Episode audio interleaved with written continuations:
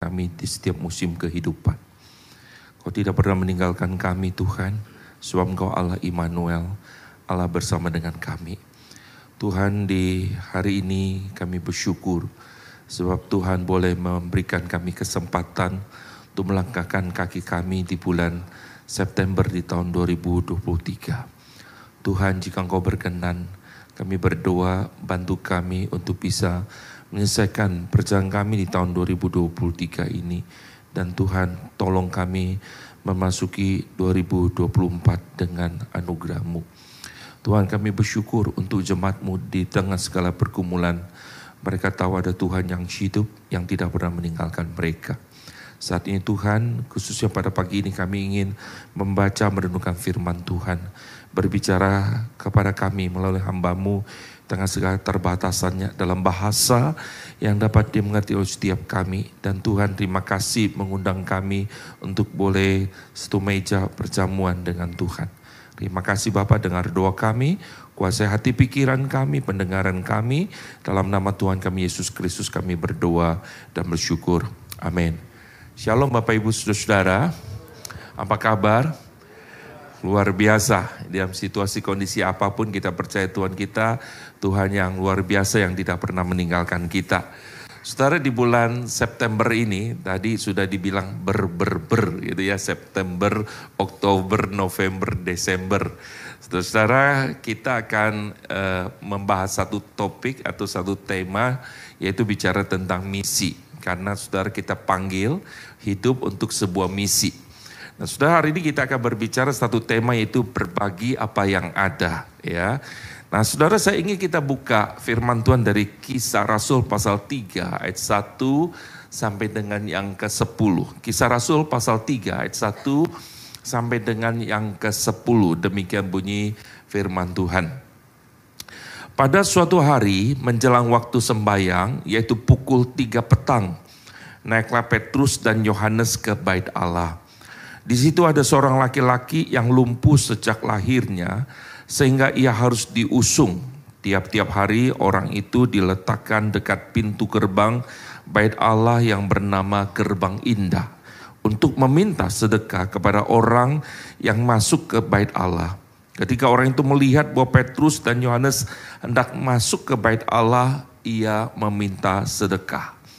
Mereka menatap dia dan Petrus berkata, lihatlah kepada kami. Lalu orang itu menatap mereka dengan harapan akan mendapat sesuatu dari mereka. Tapi Petrus berkata, emas dan perak tidak ada padaku, tetapi apa yang kupunyai kuberikan kepadamu. Demi nama Yesus Kristus, orang Nazaret itu berjalanlah Lalu ia memegang tangan kanan orang itu dan membantu dia berdiri. Seketika itu juga kuatlah kaki dan mata kaki orang itu. Ia meloncat berdiri, lalu berjalan kian kemari dan mengikuti mereka ke dalam bait Allah. Berjalan dan melompat-lompat serta memuji Allah. Seluruh rakyat itu melihat dia berjalan sambil memuji Allah. Lalu mereka mengenal dia sebagai orang yang biasanya duduk meminta sedekah di gerbang indah bait Allah sehingga mereka takjub dan tercengang tentang apa yang terjadi padanya. Sampai demikian jauh pembacaan firman Tuhan. Sudah suatu hari ketika saya melayani di Solo, saya itu pesan Grab dari hotel ingin menuju ke gereja kita. Sudah lalu datanglah supir Grab itu, lalu kemudian saya naik ke mobil, Lalu kita berbincang-bincang. Dan beliau langsung bertanya kepada saya, masih muda anaknya, Bapak pendeta ya? Saya bilang, tahu dari mana? Ya tahu dari baju yang Bapak pakai, begitu ya saudara. Lalu saya tanya sama dengan dia, e, apakah Anda orang Kristen? Dia bilang, oh iya saya orang Kristen. Lalu dalam perjalanan kami bercerita satu dengan yang lain. Dan saya tanya dengan dia, dia adalah orang Jawa, orang Solo. Saya tanya, bagaimana Anda percaya kepada Tuhan? Dan lalu kemudian dia bercerita bahwa mereka tadinya dari keluarga yang belum percaya Tuhan. Lalu suatu hari dia senang karena dekat rumahnya ada gereja, lalu mendengar puji-pujian Kristen, lalu pergi ke sana. Tetapi akhirnya orang tuanya tidak mengizinkan. Dan setelah satu bulan tidak ke gereja, tiba-tiba dia jatuh sakit. Jatuh sakit, lalu dibawa ke mana-mana tidak sembuh. Sampai akhirnya ibunya berkata begini, oke panggil pendeta kalau bisa sembuhkan, doakan dia sembuh. Dan dia akan izinkan anaknya ke gereja. Dan saudara puji Tuhan, mujizat Tuhan masih ada, amin. Sampai detik ini, saat ini, saudara-saudara kesembuhan itu terjadi, dia akhirnya sembuh dan diizinkan ke gereja. Nah saudara yang saya mau ceritakan adalah waktu itu saya tanya, sampai sekarang berapa orang sudah percaya? Dia bilang, mama saya sudah percaya, keluarga saya sudah percaya Tuhan, Tuhan itu baik dan luar biasa. Lalu kemudian singkat hanya saya tiba di gereja. Saya keluarkan uang dan saya ingin kasih lebih kepada dia untuk kasih duit. Lalu kemudian saudara lalu dia bilang, Pak Pendeta maaf, tidak usah bayar. Saya bingung sudah saudara ya. Saya yang kikuk, saya pikir tadi saya kasih dia uang ada lebih ya untuk dia. Karena itu pekerjaannya. Dia bilang, tidak usah Pak Pendeta. Saya sudah komit memang setiap kali saya jemput tamu. Ketika saya tahu itu pendeta hamba Tuhan, saya tidak suruh dia bayar. Dia bilang, saya bilang kenapa begitu? Dia bilang, Pak ini yang bisa saya lakukan. Saya nggak bisa seperti pendeta untuk khotbah. Tapi saya mau melayani karena saya tahu saya berhutang Injil. Saya hanya bisa melayani Bapak seperti ini. Saudara saya sangat tersentuh sekali saudara. Ya seorang supir Grab Saudara dia tidak bisa naik mimbar, dia bisa menjadi penginjil Viana yang tadi semangat memimpin pujian, dia bisa menyampaikan firman Tuhan, tetapi yang dia punya saudara, dia bisa mengantar hamba-hamba Tuhan lalu dibilang, tidak usah bayar, saya ingin memberkati. Saudara, apa yang ada padanya, dia berikan untuk melayani Tuhan. Saudara-saudara hari ini ketika kita membaca kisah para rasul, adalah satu kitab yang sebenarnya berbicara tentang perjalanan Injil Tuhan. Sudah perjalanan Injil Tuhan mulai dari Yerusalem, Yudea, Samaria sampai ke ujung bumi. Dan saudara, kalau engkau perhatikan di dalam kisah para rasul pasal pertama, saudara di sini bukannya berbicara tentang perkembangan Injil, tapi di sini juga berbicara tentang sebuah transformasi atau perubahan hidup orang-orang yang sudah menerima Injil. Saudara ini sangat menarik sekali. Saudara kalau perhatikan di dalam pasal yang pertama saja, walaupun murid-murid yang sudah sekian lama ikut Tuhan, waktu Tuhan bangkit dan 40 hari Tuhan mengajar kebenaran tentang kerajaan Allah. Tetapi dalam kisah Rasul pasal pertama kita menemukan murid-muridnya tidak tahu apa yang mereka minta. Mereka tidak mengerti saudara. Sehingga kalau kita perhatikan di dalam detik-detik sebelum Yesus naik ke surga. Mereka masih bertanya kepada Tuhan. Tuhan maukah pada masa ini engkau memulihkan kerajaan bagi Israel. Saudara mereka belum paham akan hal ini. Tetapi kemudian kita masuk kemudian pasal yang kedua kisah para rasul. Di situ terjadi sebuah turning point di dalam kehidupan anak-anak Tuhan. Yaitu pada saat saudara bahwa bicara tentang Injil bukan saja transfer pemahaman, tetapi bicara sebuah transformasi hidup saudara. Di saat di mana di kisah Rasul pasal 2 dikatakan roh kudus diturunkan saudara. Di situ terjadi sebuah perubahan hidup dari murid-muridnya saudara. Dan sangat menarik kalau saudara perhatikan dalam kisah Rasul pasal yang kedua. Bukan saja kita berbicara tentang cara hidup bergereja, tapi di situ bicara cara hidup umat Tuhan yang sudah diubahkan. Nah ini yang sangat menarik saudara. Di mana saudara engkau perhatikan kisah Rasul pasal 2, mereka berbagi apa yang ada pada mereka. Mereka share saudara. Mereka tahu bahwa ini adalah kepunyaan bersama saudara. Mereka care terhadap kebutuhan orang-orang di sekitar mereka. Jadi mereka tidak lagi saudara hidup egosentris memusatkan pada diri mereka sendiri. Kalau dalam kisah Rasul pertama mereka memikirkan kebutuhan mereka. Dalam kisah Rasul pertama mereka masih bertanya, maukah engkau memulihkan kami kerajaan Israel saudara. Mereka masih terpusat dengan diri mereka. So perhatikan ketika orang yang memikirkan dirinya sendiri, memusatkan pikiran pada diri mereka, akan sulit dia memikirkan kebutuhan orang lain saudara. Tetapi ketika Tuhan sudah memenuhi kebutuhannya yang terdalam. Sudah dia bisa melihat ada satu kebutuhan jauh lebih besar. Ketika dia bertemu dengan orang, dia melihat ada sesuatu yang mereka jauh lebih butuhkan yaitu Kristus. Sudah dalam kisah Rasul pasal kedua di situ kita lihat mereka berbagi. Tapi ketika kita masuk dalam kisah Rasul pasal ketiga, Tuhan memberikan sebuah pemahaman yang luar biasa. Sekali lagi Tuhan membukakan Orang-orang yang sudah percaya kepada Tuhan, orang-orang yang sudah diubahkan hidupnya untuk kemudian melihat kehidupan orang-orang yang belum mengenal Tuhan. Dan dimulai dengan kisah Rasul pasal yang ketiga tentang seorang yang lumpuh sejak lahirnya. Saudara-saudara yang terkasih dalam Tuhan, mari kita bersama-sama memperhatikan ada beberapa hal yang sangat menarik ketika kita membaca kisah Rasul pasal yang ketiga tadi. Kita melihat kerapuhan diri manusia yang ditonjolkan dari penulis kisah para rasul ini. Saudara yang pertama, mari kita perhatikan. Saudara di sini penulis kisah rasul ingin memaparkan kepada kita tentang kondisi manusia. Yang pertama, meski ada di tempat yang indah, namun hidup manusia itu sebenarnya banyak yang tidak indah, saudara. Saudara-saudara, kita perhatikan kisah Rasul pasal 3 ayat 1 sampai yang kedua. Saya bacakan buat saudara-saudara sekalian. Pada suatu hari menjelang waktu sembahyang, yaitu pukul tiga petang naiklah Petrus dan Yohanes ke bait Allah. Di situ ada seorang laki-laki yang lumpuh sejak lahirnya sehingga ia harus diusung. Tiap-tiap hari orang itu diletakkan dekat pintu gerbang bait Allah yang bernama Gerbang Indah untuk meminta sedekah kepada orang yang masuk ke dalam bait Allah. So perhatikan kalimat ini. Di situ ada seorang laki-laki yang apa saudara? Lumpuh sejak lahirnya. Sehingga apa? Ia harus diusung. Tiap-tiap hari, perhatikan. Orang itu diletakkan dekat pintu gerbang bait Allah yang bernama gerbang indah. Saudara kita tidak tahu berapa usia orang ini. Karena Alkitab tidak memberitahukan kepada kita. Tetapi Alkitab mengatakan bahwa ia lumpuh sejak lahir. Saudara lebih jelas lagi King James Version menerjemahkan begini.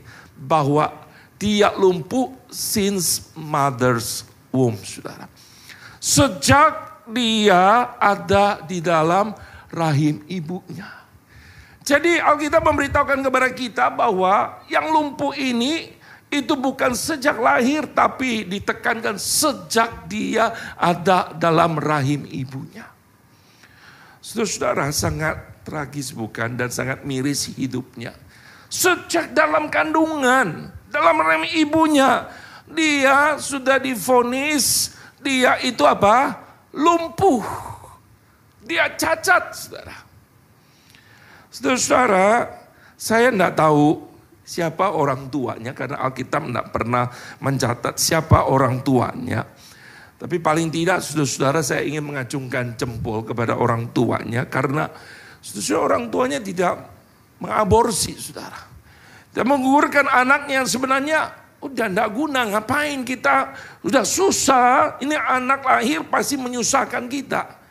Saudara saya tidak tahu apakah memang pada saat itu memang tidak ada teknologi, mereka tidak tahu bahwa sejak di dalam rahimnya itu adalah lumpuh anak ini paling tidak saudara. Tapi Alkitab mengatakan bahwa si orang ini lumpuh sejak dalam rahim ibunya saudara. Nah saudara-saudara saya mau katakan kepada orang tua ini bukan orang tua yang mampu. Kenapa? Karena kita bisa melihat bagaimana supaya bisa mempertahankan hidup anaknya ini dia harus kemudian tiap hari tentunya menggotong anaknya untuk ditaruh di pintu gerbang bait Allah untuk memohon sedekah belas kasihan orang-orang saudara. Saudara-saudara yang dalam Tuhan, kita berkata bahwa tiap-tiap hari orang itu diletakkan dekat pintu gerbang indah. Saudara, pintu gerbang indah. Ini sangat menarik. Penulis uh, kisah para rasul ini menggambarkan bagaimana sesungguhnya kondisi orang ini. Saudara, bait Allah pada zaman Tuhan Yesus itu memiliki berapa gerbang? Penafsir ada mengatakan ada sembilan gerbang, sembilan pintu. Ya saya nggak tahu mungkin dari orang beberapa ada sebelah barat, sebelah timur, utara, semuanya ya ada pintu-pintunya mereka masuk ke bait Allah. Kalau sudah di gereja ini kan satu pintu ya, sudah masuk ya. Sudah masuk lalu kemudian bisa cabang jadi dua, naik lagi sampai di sini satu pintu. Memang sengaja satu pintu saudara supaya keluar masuknya ketahuan oleh musuhnya gitu ya. Nah saudara-saudara pada waktu itu ada sembilan pintu memang. Dan saudara, eh, zaman sekarang kalau kita pergi ke sana mungkin tidak sembilan pintu lagi. Tetapi pada waktu itu ada sembilan pintu gerbang dan Gerbang ini saudara adalah satu gerbang yang terletak di sisi sebelah timur dari bait Allah. Yang sebenarnya menghubungkan pelataran saudara-saudara orang-orang yang bukan Yahudi dengan pelataran wanita. Jadi saudara mesti tahu bahwa di bait Allah itu mereka ibadah nggak bisa ya suami istri duduk berdua seperti begini. Mereka ada pelataran wanitanya, ada pelataran laki-lakinya seperti begitu. Nah saudara pintu ini adalah pintu yang sangat strategis dan pintu ini dikatakan memang sangat indah sekali oleh seorang sejarawan yang namanya Josephus karena saudara katanya dibuat dari perunggu ya dari apa namanya Korintus dikatakan ya yang terbuat dari perunggu yang berwarna keemas-emasan. Sehingga menurut mereka bahwa dari sembilan gerbang, ini adalah gerbang yang paling indah dan orang sering lalu lalang di sana. Dan saudara-saudara perhatikan, saudara ini adalah tempat yang sangat indah sekali. Tetapi di dalam realitanya saudara ada seorang yang hidupnya sangat miris ada di sana. Dia itu lumpuh sejak ada dalam kandungan ibunya, dalam rahim ibunya. Saudara-saudara apa yang sebenarnya penulis kisah para rasul ingin sajikan kepada para pembacanya. Saudara ini ada sebuah gambaran di mana Tuhan ingin mengajak sebuah ya perubahan hidup yang terjadi dari murid-muridnya. Yang pertama mereka itu hanya memperhatikan diri mereka sendiri, lalu mulai memperhatikan sesama orang percaya. Tapi kemudian dalam pasal ketika mereka mulai bergerak, karena di situ penulis kisah para rasul memaparkan akan kondisi kehidupan orang-orang yang belum mengenal Tuhan. Yang sebenarnya ada di dalam tempat yang kelihatan indah, kelihatan nyaman, kelihatan baik. Tapi kehidupan mereka tidak seindah itu. Hidup mereka di dalam persoalan, di dalam pergumulan, di dalam sakit penyakit yang dialaminya saudara. Saudara-saudara yang terkasih dalam Tuhan, ini juga yang terjadi dalam kehidupan kita sekarang. Saudara kita melihat ada banyak orang yang mungkin secara fisik tidak lumpuh. Saudara mereka tapi secara rohani mengalami kelumpuhan mungkin.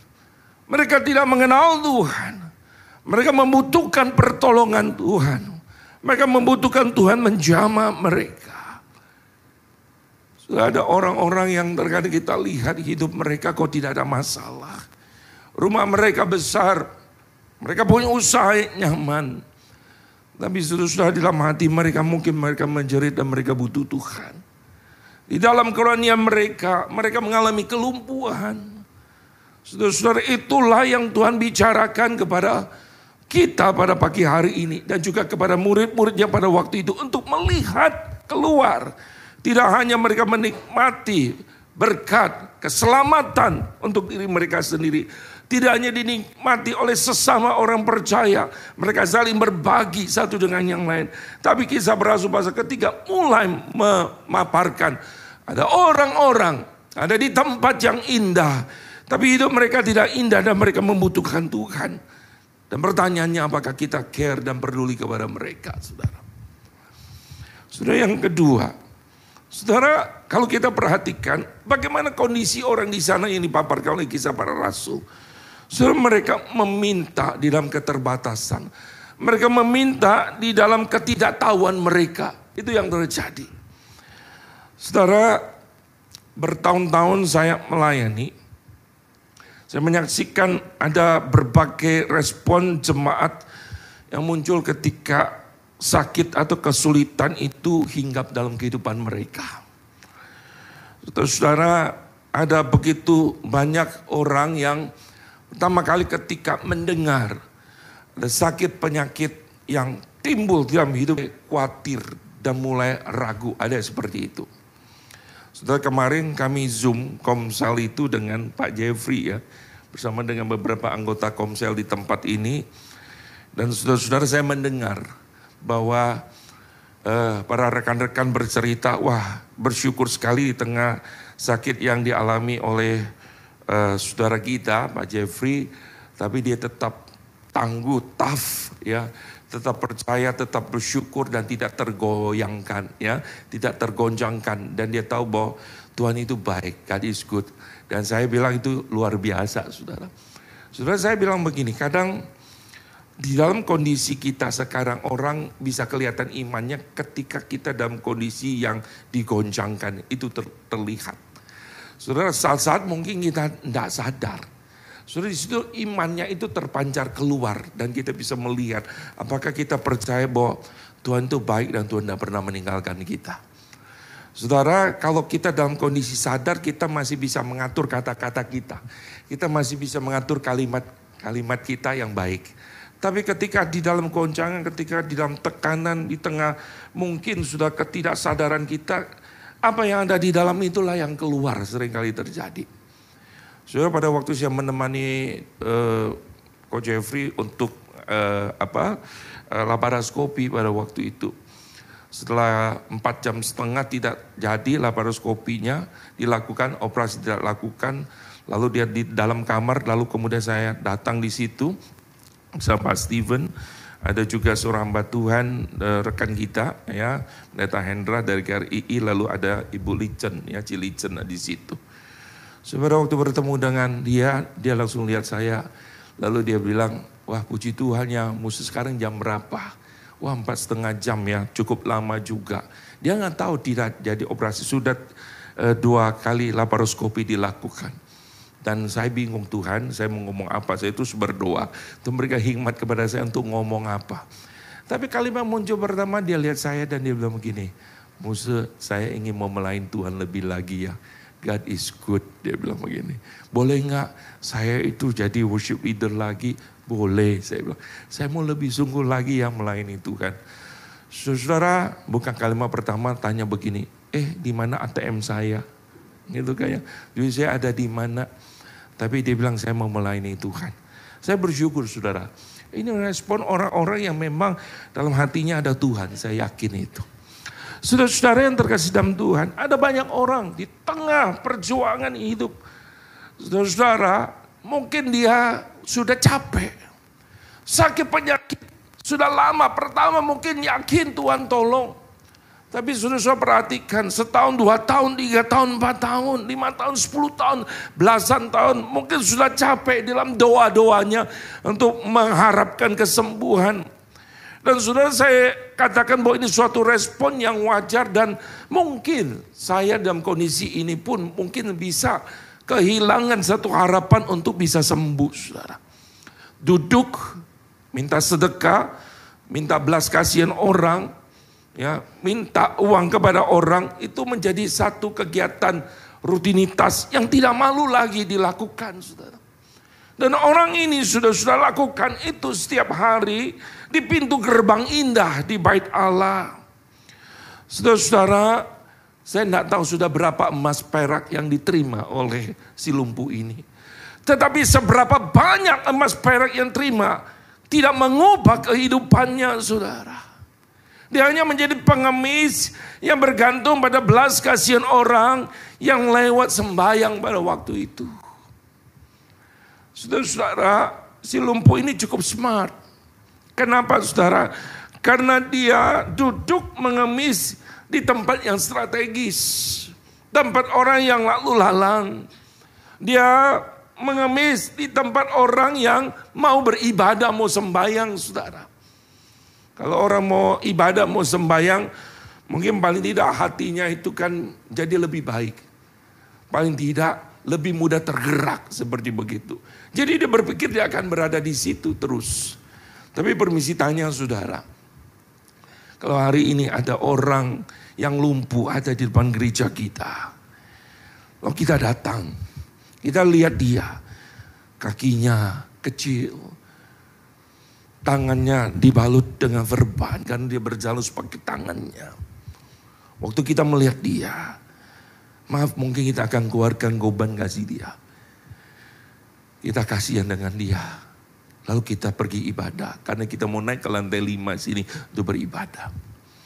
Tapi ketika minggu depan kita bertemu dengan dia. Loh dia lagi. Sudah kita akan kasih noban kepada dia mungkin. Tidak goban lagi. Nah, kita naik ibadah. Minggu berikutnya kita ketemu lagi dengan dia. Ya mungkin kita kasih ceban ke dia. Berapa minggu ketemu lagi dengan dia? Ya udah dah goceng aja lah. Tapi sudah sudah bertahun-tahun gitu dengan dia. Lihat pun mungkin kita tidak. Ah sudah biasa. Orang ini udah biasa kita ketemui. Tidak ada lagi kita belas kasih yang bukan. Saudara yang terkasih dalam Tuhan.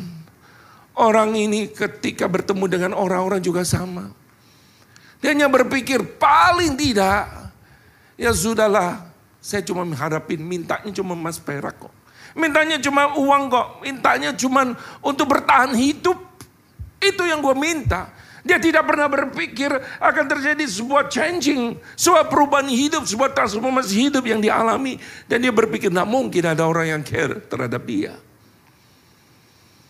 Sudah tapi kita bersyukur karena ada Alkitab dalam kisah Rasul yang membaharkan sebuah tindakan dari anak Tuhan yang sudah mengalami transformasi Injil, saudara. Saudara orang Yahudi itu kalau sembahyang dalam satu hari itu tiga kali. Seperti Daniel. Kalau sudah baca doanya. Jam apa? Jamnya jam 9, jam 12, dan jam 3. Itu mereka lakukan. Jam mereka datang beribadah, jam 9, jam 12 dan jam 3. Luar biasa ya saudara ya. Jadi kalau kita itu jam 12 pasti sepi, nggak ada yang mau jam makan soalnya ya. Nah maka kita kebaktian jam 8 dan jam 10. Dulu pernah mau coba jam 11, orang berpikir terlambat ibadah selesai setengah satu, lapar gitu ya pasti. Tapi orang Yahudi jam 9, jam 12 dan jam 3. Saudara-saudara perhatikan, di dalam kisah Rasul 3 ayat 1 dikatakan pada hari menjelang waktu sembahyang yaitu pukul 3 petang. Berarti saudara jadwal sembahyangnya itu yang terakhir. Ya karena ada jam 9, jam 12 dan jam 3 berarti yang terakhir. Saudara-saudara naiklah Petrus dia bilang dan Yohanes ke bait Allah untuk sembahyang di sana.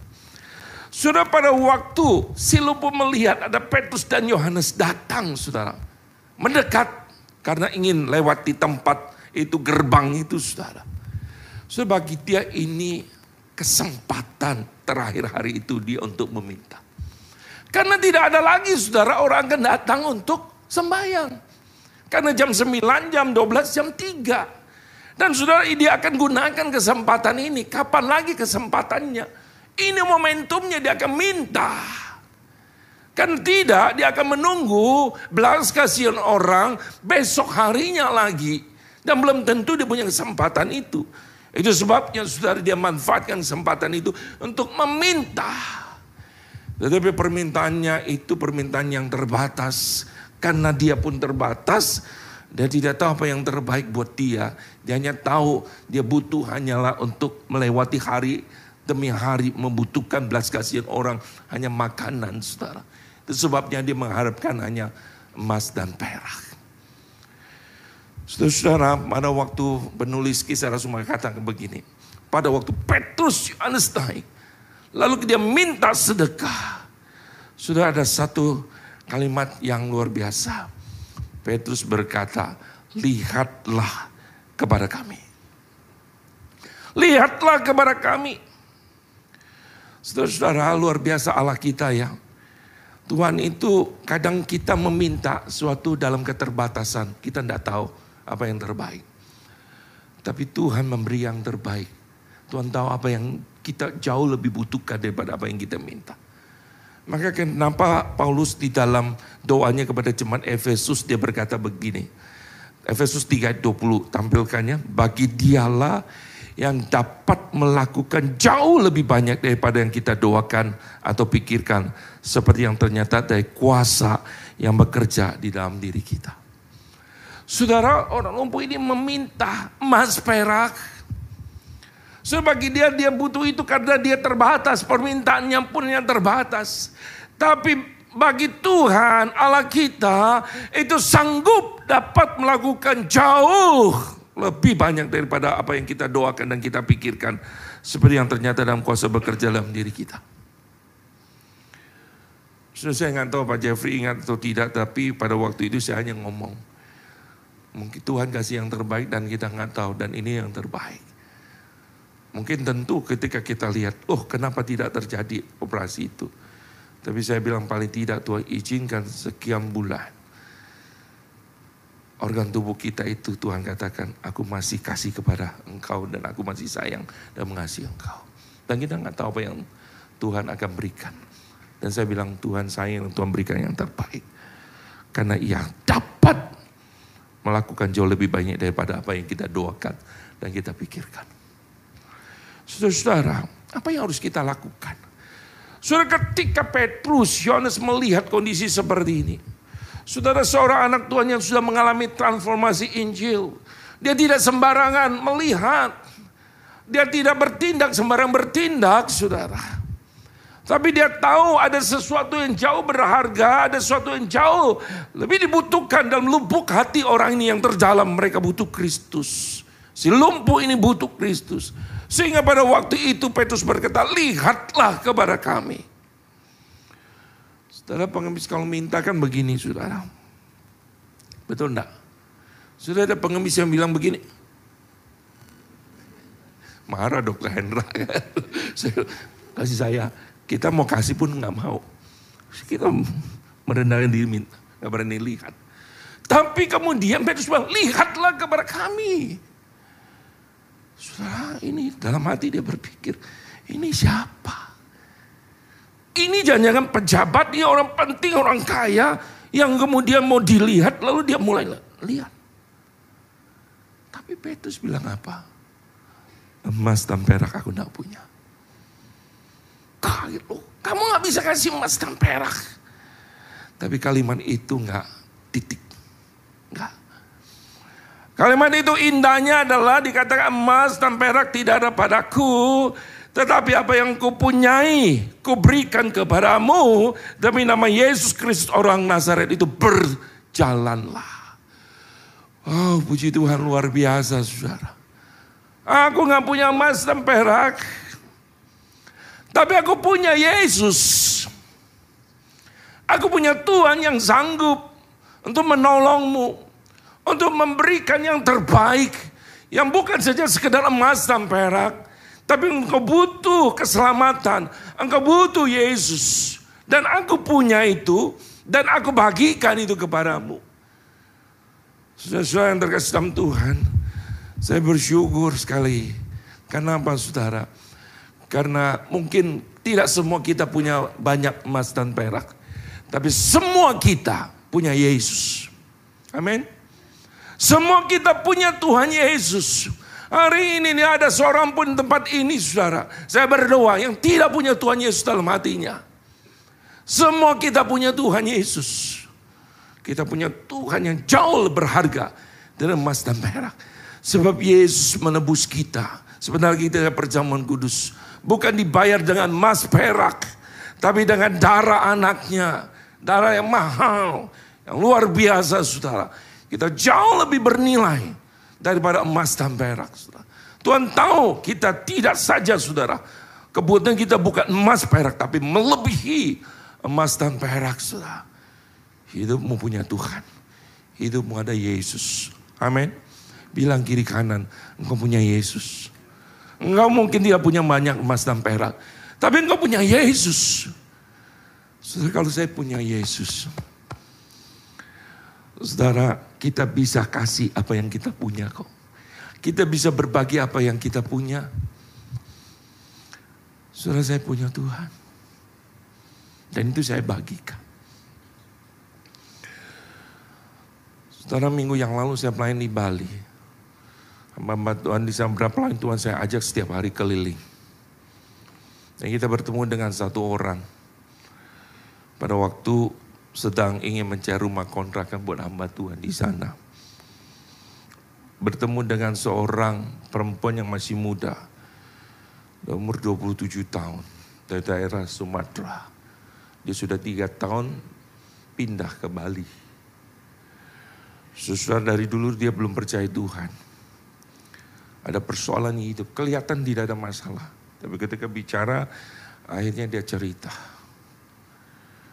Setelah dia berpisah dengan suaminya, dia punya anak umur tiga tahun. Yang masih muda. Dia bersama papa mamanya pindah ke Bali. Dalam perjuangan mempertahankan hidup. Dan di situ saya cerita tentang Tuhan. Dan dia bilang, iya. Justru dalam tiga tahun dalam pergumulan itu, justru dia menemukan Tuhan mencintai dia dan tidak pernah tinggalkan dia. Dan saya bilang bahwa Tuhan yang menjadi Bapa kamu, Tuhan bukannya menjadi juru selamat, tapi dia juga Tuhan yang hadir dalam setiap musim kehidupanmu dan dia tidak pernah meninggalkan. Sudah mata berkaca-kaca lalu saya berdoa buat dia. Dan saya bilang bahwa ini keluarga kamu yang baru dan hamba-hamba Tuhan yang care dan peduli kepada kamu. Anytime nomor telepon saya juga bisa kamu hubungi. Saudara ada banyak orang yang kelihatannya oke. Okay, tapi hidupnya mungkin tidak. Mereka butuh Tuhan. Saudara kita mungkin tidak punya banyak emas perak. Tapi kita punya Yesus bukan kita bagikan apa yang kita punya. Kita sharekan apa yang kita miliki yang jauh lebih berharga.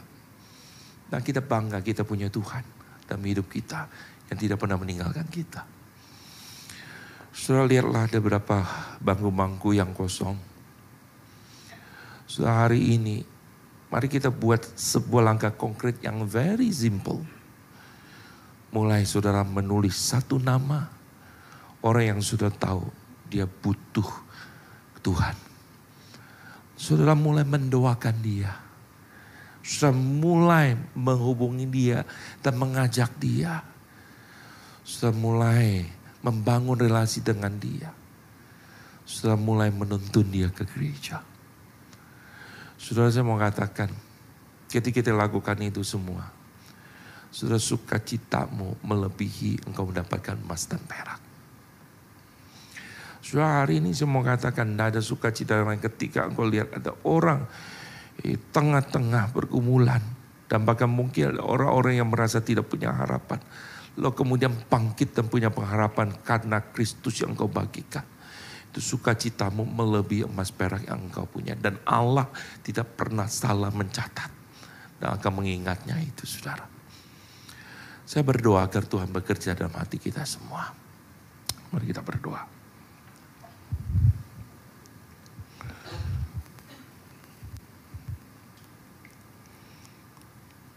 So, mari teduhkan hatimu di hadapan Tuhan.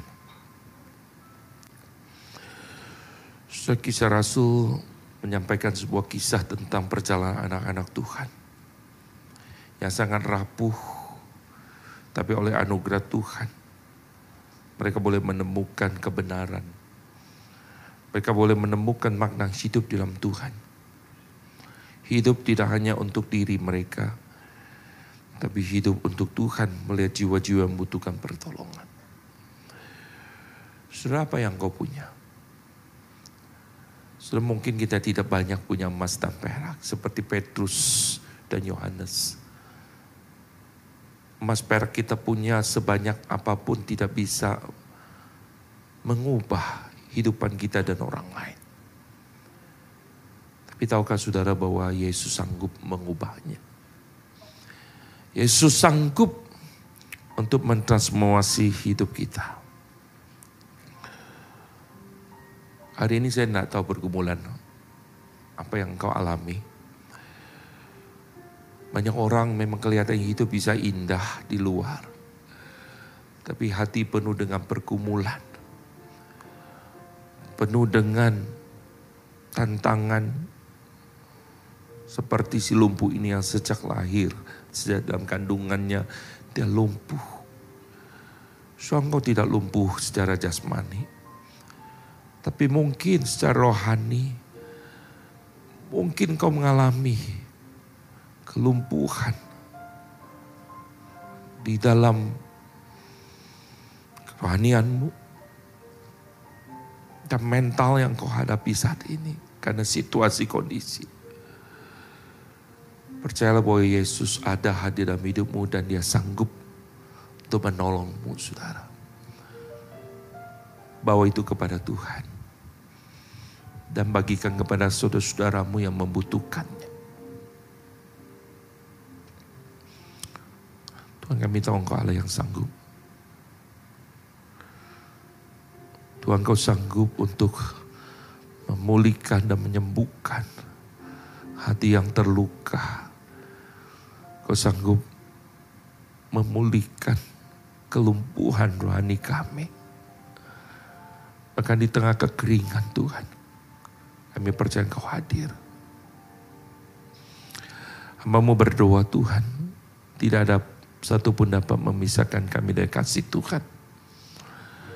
Baik sakit penyakit, persoalan hidup, bahkan kematian. Tuhan, kalau engkau tidak menyayangkan anaknya yang tunggal, kau berikan kepada kami satu-satunya.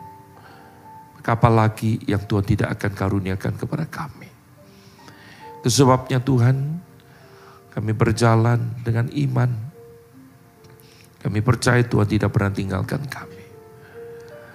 Tuhan tolong hidup kami untuk setia berbagi kepada orang lain tentang Kristus. Dan hidup kami dipakai menjadi instrumen yang indah. Hamba berdoa untuk seluruh jemaatmu di tengah segala pergumulan, sakit, penyakit. Tuhan engkau yang menjamah. Hamba secara khusus berdoa untuk Pak Jeffrey. Hamba berdoa, kami percaya Tuhan sudah menguatkan imannya. Seluruh anggota keluarga dari Cilicen, kami doakan anak-anaknya. Kami berdoa Tuhan, menyerahkan baik Vita dan suaminya Charles dan Jane, seluruh cucuknya kami serahkan dalam tanganmu. Kami percaya Tuhan, kemenangan bersama Kristus akan dialami. Kemenangan iman dan kami boleh melihat melalui kehidupannya menjadi saksi bagi kami semua. Kami doakan untuk setiap jemaatmu Tuhan menghadapi pergumulan yang sama Tuhan campur tangan. Dengar doa kami. Di dalam nama Tuhan Yesus kami berdoa dan bersyukur. Amin.